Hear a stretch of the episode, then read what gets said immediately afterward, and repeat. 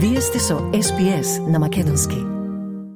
Во рубриката Актуелности продолжуваме со прилогот на Greg Diet и Kath за SBS News. Вие сте со SBS Audio, со вас е Маргарита Василева. Владата на ACT усвои нови национални стандарди за градење, кои ќе обезбедат куќите да бидат енергетски поефикасни и достапни. ACT стана првата јурисдикција да го воведе Националниот градежен кодекс од 2022 година, кој вклучува нови стандарди за енергетска ефикасност во станбените простории.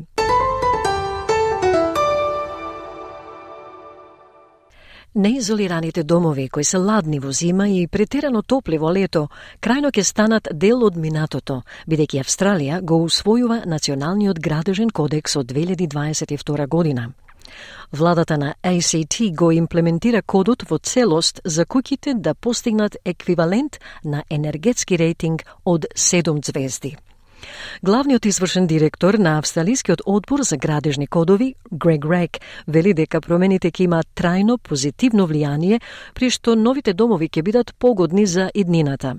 Тие ќе ја подобрат удобноста, достапноста, пристапноста и одржливоста, вели Рек, пофалувајќи го пакетот нови промени.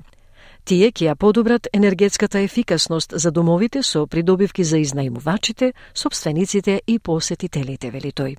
Намалувањето на сите сметки е одличен начин за заштеди во домакинството, изјави Грег Рейк, главниот извршен директор на Австралискиот одбор за градежни кодови. These changes are about making new homes fit for the future. So they're going to improve comfort of these new homes, affordability, accessibility and sustainability.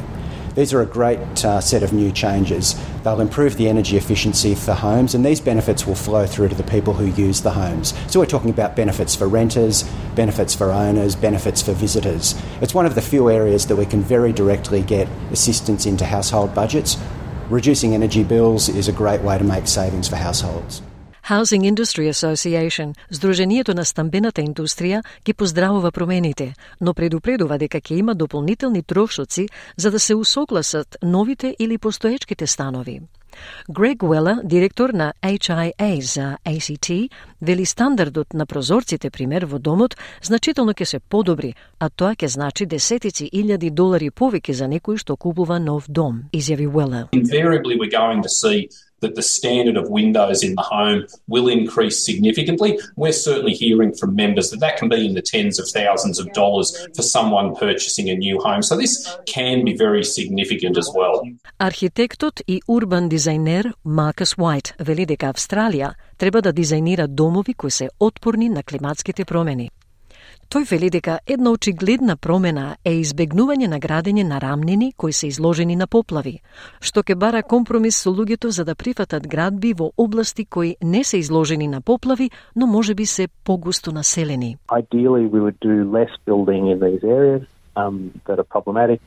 We would densify where it's not um, in flood zones. so that means um, accepting some change in some uh, suburbs that are more established. Маркус Уайт вели дека изградбата на куќи над нивото на земјата, издигнати куќи или куќи на столбови во познатиот стил наречен Queenslanders, кои се исто така типични куки во државата на Квинсленд, може да биде една од мерките потребни во другите делови на земјата. Уайт вели тоа е добар пример на адаптација на куќа во европски стил, подигната на столбови за да одговара на климата.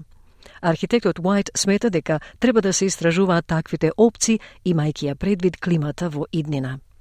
Тој вели во Мелбурн климата може да биде многу потопла и посува или многу потопла и повлажна, па затоа мора да се погледнат некои можни сценарија и да се дизајнира за низата различни можни идни климатски услови.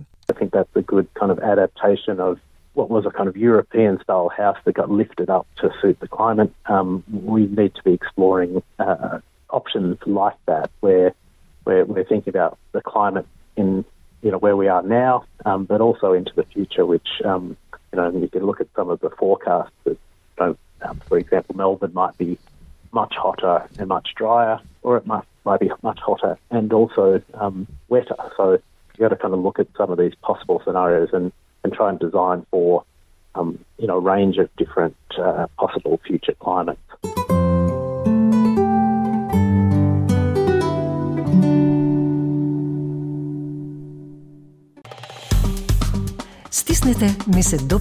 Споделете. Следете ја SPS на Македонски на Facebook.